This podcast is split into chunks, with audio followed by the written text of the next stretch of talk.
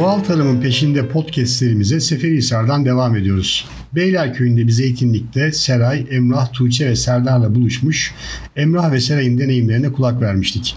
Bu bölümde ise mikrofonumuzu Tuğçe ve Serdar'a uzatacağız. Kendilerinden hem doğal tarım konusundaki düşüncelerini hem de beyaz yakalılıktan çiftçiliğe geçiş hikayelerini dinleyeceğiz. Ama önce katkılarıyla bu podcast dizisinin hazırlanmasına destek olan Maya Bistro Oteli teşekkür etmeden geçmeyelim.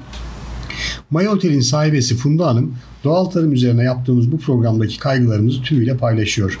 Misafirlerine sundukları yiyeceklerde seçici davranmaya çalışıyor. Bu konuda mutfakta Şef Güney Usta'nın titizliğini de unutmamak lazım. Bu kaygılarla sebzeyi meyveyi Seferihisar'ın yerel pazarlarından almaya gayret ediyorlar. Yerel tohumlardan üretilmiş ürünleri tercih ediyorlar. Tarım zehri ya da suni gübre kullanılmamış ürünler arıyorlar. Aynı zamanda misafirlerine sağlıklı ve yerel gıdalar sunabilmek için güven duydukları çiftçilerle işbirliği yapmaya çalışıyorlar. Ve tabii Seferihisar'da doğal tarımla üretim yapan çiftçilerin çoğalmasını arzu ediyorlar. Biz de bu yayınlarımızda buna mütevazi bir katkı yapabilirsek, hatta bu çiftçilerle Maya Otel gibi işletmeler arasında bir alışverişin, bir işbirliğinin doğmasına vesile olabilirsek ne mutlu bize.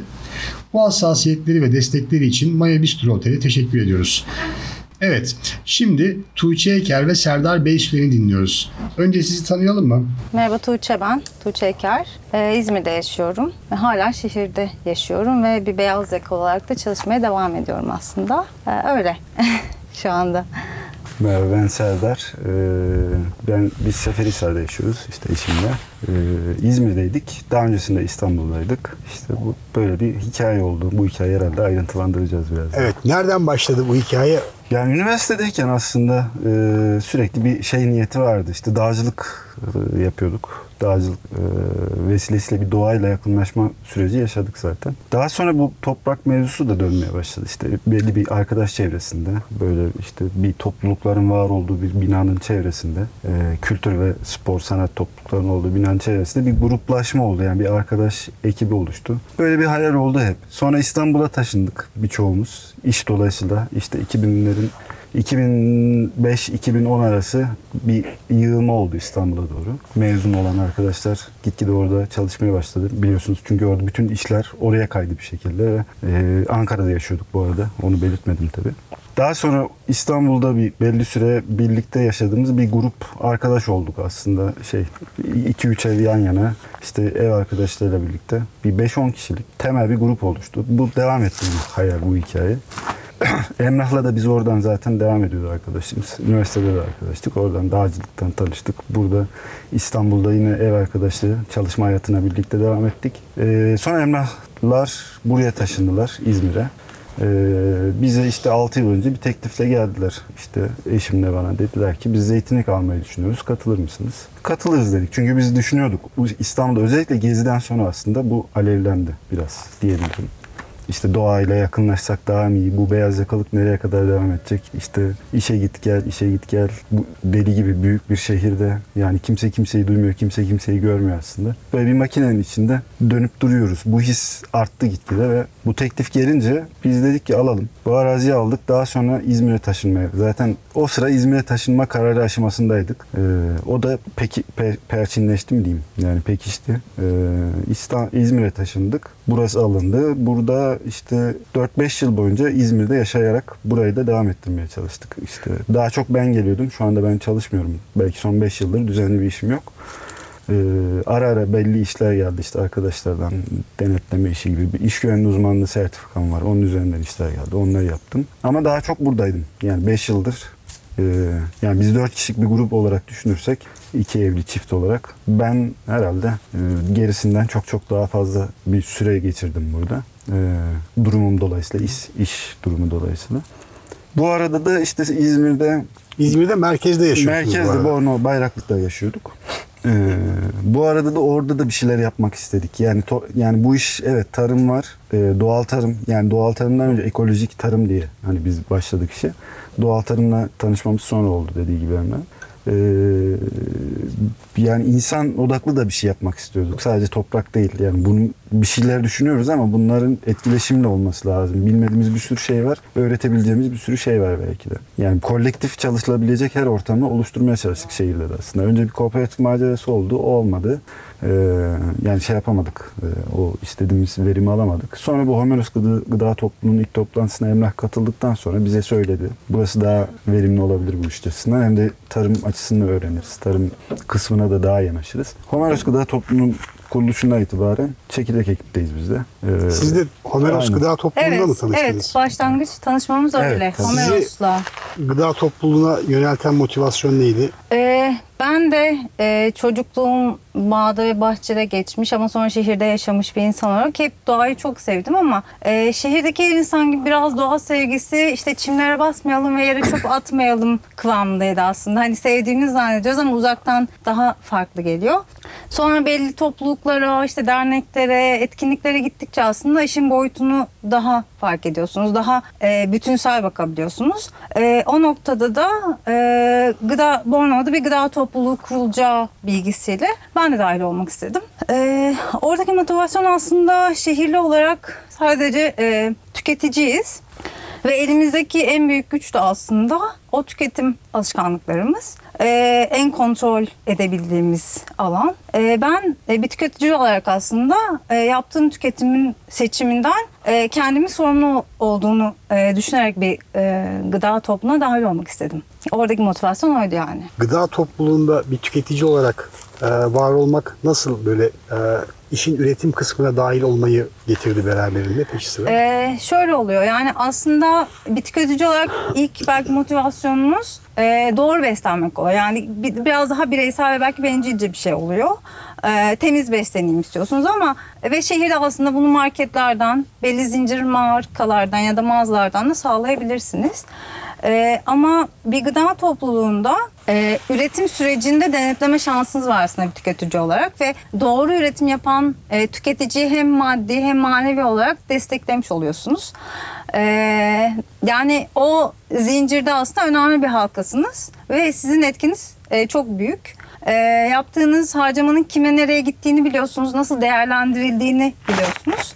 Ee, oradaki e, gerçekten hani e, benim aslında biraz daha bilinçlenme e, geziyle belki oldu. Yani hani sadece oy vererek değil benim e, nerede nasıl etkili olabilirim? E, en büyük etkim gerçekten bir tüketici olarak. E, ve bir yandan da işte bu gerçekten aynı e, amaçları paylaşan insanlarla bir arada olmak, e, birlikte hareket etme ihtiyacı. Aslında hepsi bir bütün benim için. Peki burada e, doğal tarım e, cephesinden bakarsak ne yapıyorsunuz, ne yapmaya çalışıyorsunuz? Yani şöyle aslında biz bu araziyi aldığımızdan beri e, ne bileyim işte zehir atacağız. işte mümkün olduğunca ekolojik üretim yapmaya çalışacağız. Hani organik değil. Organik sertifikası işine de girdik aslında ama vazgeçtik o işten sonra. Çünkü bambaşka bir durum oluyor. O iş çok uzun bir hikaye. E, genel olarak aslında mantıksal olarak başladığımızda yaptığımız şeylerin sonra doğal tarım öğrendiğimizde çakıştığını gördük. Yani zaten benzer uygulamaları yapmaya çalışıyormuşum. Biz şekilde bir sezgi mi diyelim bir şey yani gözlem e, doğa severlik işte. Yani kendimizi de doğanın parçası olarak tabii görerek yani bir üstün bir hiyerarşi anlamında doğaya bakış açısıyla değil de kendimizin de bir doğa parçası olarak görerek bu parça olarak nasıl bir etkiyle e, daha iyisini yakalayabiliriz düşündüğümüz için bu sezgide oluşmuş bir şekilde. Doğal tarımla tanıştıktan sonra e, ne yaptık diye sorarsanız mesela işte otları biçmeye çalışıyorum. Aslında burada keçi olsa belki daha doğal tarım yapabiliriz. Bilmiyorum. O da tartışılır. E, boş alanlar vardı. Yani 4-5 yıl boyunca e, arazide e, hani zehir atmasak da daha önceden yıpranmış alanlar vardı. Kepçe geçtiği vesaireden dolayı. E, uzun süre oradaki çeşitliliği arttıramadık. Yani mesela şu alana baktığınızda görürsünüz. Çeşit çeşit bitki var. Şu anda ölmek üzere hepsi kuru olduğu için birbirlerine benzeseler de baharda göreceksiniz görebilirsiniz yani. O yüzlerce çeşit belki de ot türü büyüyor. Bunun tek sebebi işte bizim hiçbir şey e, yani incitici bir iş yaplam yapmamamız. Ne sürüyoruz ne işte zehir atıyoruz. Sadece biçip bırakıyoruz 4-5 yıldır ve sürekli o alanlar dolmaya başladı. Boş alanlarda da çeşitli e, otlar, bitkiler büyümeye başladı. Boş alan kalan, boş kalan alanlara biraz tohum desteği yaptık. Doğal tarıma girdikten sonra hangi tohumlar toprağa daha iyi işler. E, yani toprağın işlenmesi gerekiyor. Bu zaten doğal doğal tarımın yatsıdığı bir şey değil. Ama bunu yapmanın daha e, zararsız hatta faydalı yöntemleri var. Zararsız zarardan ziyade. Doğayı taklit ederek toprağı işlemeye çalış. Birinci e, görüş bu aslında. Onda en iyi bitki kökleri yapıyor. İşte çeşitli e, buğdaygil bitkileri, baklagil bitkileri, e, işte bazı tıbbi aromatik bitkiler ki burada doğal çıkan, doğal olarak çıkan birçok baklagil ve işte tıbbi aromatik bitki var. Onları çoğalmasını sağlamaya çalıştık. Yani bütün zeytinlik tabanının aslında toprağın tamamen kapanmasına çalışıyoruz. Yani e, işte Emrah anlatmıştı. Panos'a ilk gittiklerinde ilk çalıştıkları gün Panos'un ilk dediği toprak güneş görmeyecek. Yani bu zaten bizim temelde de yapmaya çalıştığımız şeydi. Bilmeden de olsa.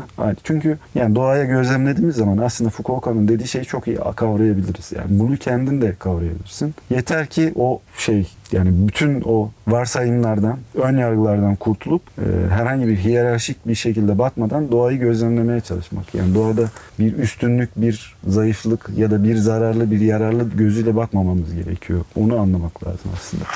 Yani zeytin zararlısı dediğimiz şey evet zeytin yediği için zararlıdır ama zeytine zararlıdır. Ee, onun da e, yok eden başka bir predatör hayvan vardır. Yani doğa bu dengeyi sağlar. Zeytin zararlısı geldiğinde ağaç başka bir önlem alır evrimsel olarak başka bir sürece geçer. Ondan kurtulur. Bütün doğa tarihi bu şekilde gelişmiş. Bir, bir beslenme döngüsü var. Yani bitkiler kendi besini oluştururken bizim gibi canlılar, böcekler, başka işte bir sürü bir canlı onların ürettiği besine muhtaç. Ve bu döngüde yani bir şeyi zararlı görmek çok yanlış bir şey. Zaten o kavram kendisi başına kendi başına yanlış bir. Bir zararlı varsa herhalde en büyük zararı da insan yani. Evet biziz yani eğer öyle bir düşünüyorsak zaten dediğiniz gibi bence de yani bu katılıyorum yani. En büyük zararlı biziz yani doğadaki birçok şeyi yok eden biziz. Ee, ama biz öyle bir dışarıdan üstten bakıyoruz ki e, bütün canlıları kendimize göre bir kategorizasyona e, tutuyoruz. Bir sınıflandırma yapıyoruz. Ve bu işte bazı canlıları zararlı diye tanımlama yetkisi görüyoruz kendini. Böyle bir şey yok. Yani doğanın işleyişi bu değil. E, birlikte yaşamı e, dürtüleyen bir e, yaşam şekli var ekolojik hayatta aslında. Hayvanı da var, işte bitkisi de var. Yani en basit örnek mesela burada eskiden çok porsuk varmış. Şimdi çok az porsuk var. Neyse ki ben gördüm bir tane. Çok şanslıyım. Ee, bildiğimiz bu bal arılarını e, yiyen eşek arıları var büyük. İşte Vespa e, deniyor bunlara. Porsuklar toprağa kazıp bunlar toprakta yuva yap yaptığı için toprağa kazarak bunlar yuvasına ulaşıp bunları yiyebiliyordu. Porsuk çok azaldığı için bu vespa çok artmış durumda. E, ortamda iklim değişiminden dolayı çiçek de azaldığı için bal arıları eski gücü, güçlü koloniler oluşturamıyorlar. E, bu vespalar çok arttığı için ortamda kalan çok az bal arısını tüketmeye başlıyor. İşte 3 sene önce inanılmaz arttı sayıları. Yani o sene büyük bir patlama yaptılar. Bizim 6 kovandan 5 öldü. E, köy, yani biz hadi tecrübesiz dedim. Hani biz bir şey yanlış yapmış olabiliriz. Köyde konuştum e, yılların arıcıları. İşte 80 kovanın 60 öldü. İşte kovan aldım arkadaş aradım. 100 kovandan işte 70 öldü falan. Bu şekilde bir sayı geldi. Ya bu, bu döngüde çünkü o porsuk hiç kıymetli değil. Porsuk tavuk yiyorsa öldüreceğiz. Şahin tavuk yiyorsa öldüreceğiz. İşte bütün bu dengeyi düşünmeden, bu birlikte varoluşu düşünmeden sadece belli hayvanları yok etmeye yönelik ya da belli bitkileri yok etmeye yönelik bir tavır içindeyiz. Bu da yıkılışa götürüyor. Yani dünyanın ekolojisi çöküyor. Yani bence tabii ki insanoğlu bir noktada yok olur bu şekilde devam ederse.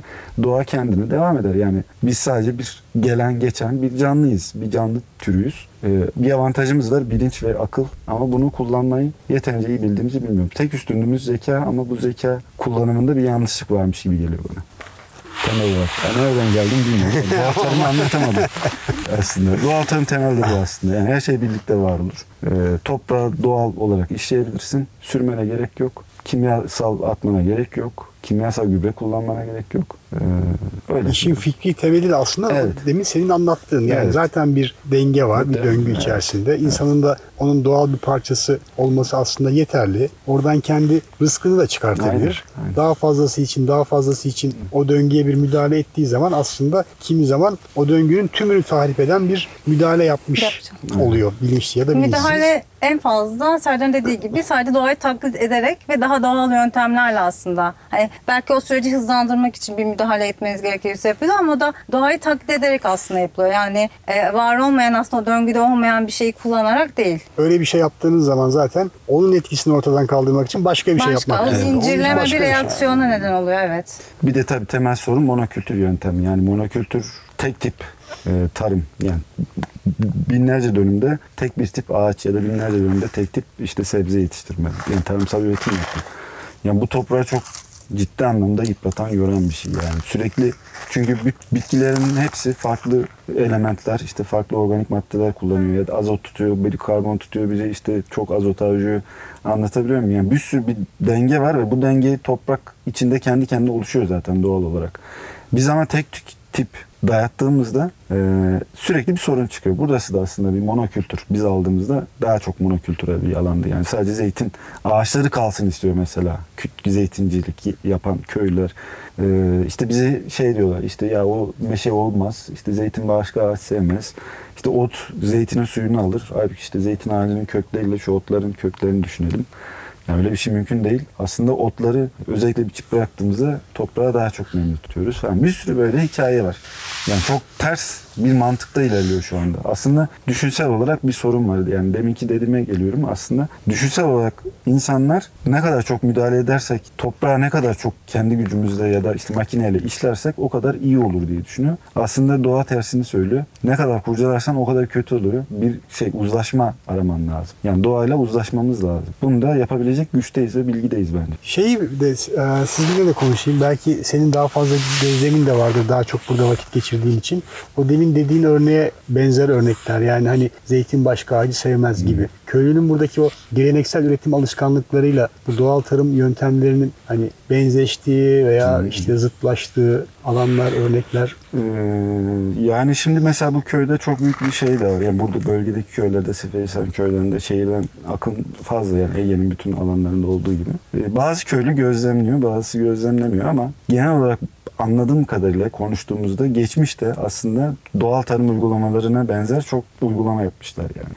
Bütün bu zeytinlikleri sadece zeytin üretim alanı olarak kullanmamışlar. Altında işte Seferihisar sığırı varmış. Daha bodur tipler şu anda yok maalesef. Karışmış bütün o gelen işte kültür ırklarıyla yok olmuş gitmiş. Ama Seferihisar sığırı buradaki yerdeki bütün çok otu yiyebiliyormuş. Ya da Seferihisar ya bu bölgeye özgü keçi türleri varmış. E bunlar da buradaki otlardan besleniyormuş. Şimdi onları çekmişler araziden. Şimdi zeytin çok az oluyor, oluyor diyorlar. E o zaman diyorlar ki yani demek ki zeytinleri çok iyi budamamız lazım. Çünkü budayınca ağaç strese girdiği için daha çok zeytin veriyor. E, işte otları temizlemek için zehir atmaya başlayalım. Yani böyle işlemiş. Zaten zeytinlik olarak zeytinlik yokmuş. 80 yıl, 100 yıl öncesine kadar. Zeytin ağaçları varmış insanların.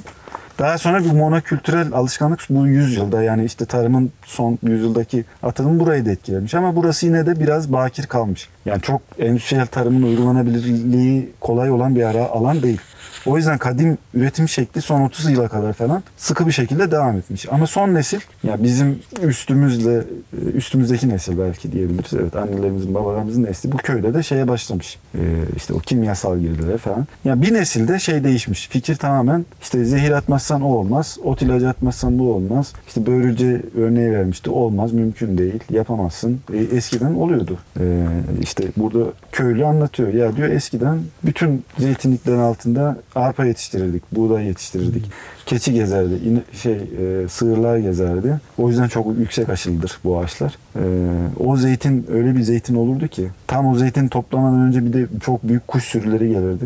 Yani abartıyor olabilir ama işte arkası buradayken önü Seferihisar'a ulaşırdı o sürüler diyor.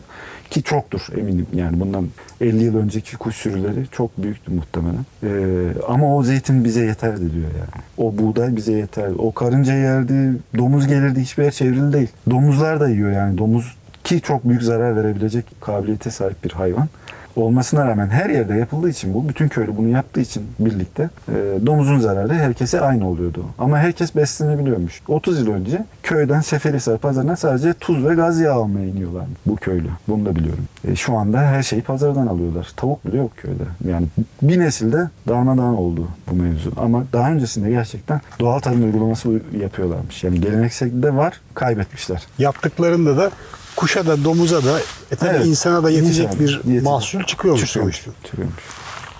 Tamam. Yani bir de bu arazilerde özür dilerim. Keçi geziyor. Ve işte keçinin sütü geliyor, ineğin sütü geliyor. O süt aşağı peynir olarak, yoğurt olarak iniyor.